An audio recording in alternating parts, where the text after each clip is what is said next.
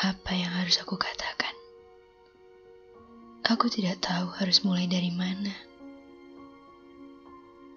Mana yang harus dikatakan dan mana yang tidak.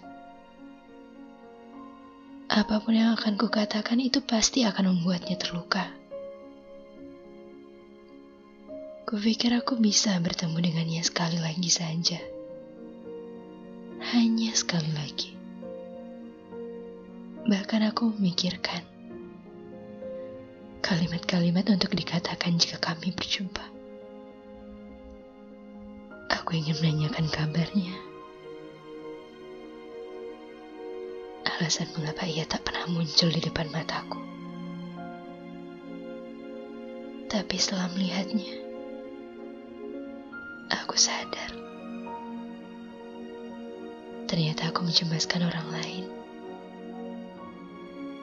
Ternyata aku memikirkan orang lain. Kukira yang tersisa dalam hidupku adalah musim gugur yang kering. Kukira sisa umurku akan kuhabiskan sendirian sambil menunggu musim itu gugur.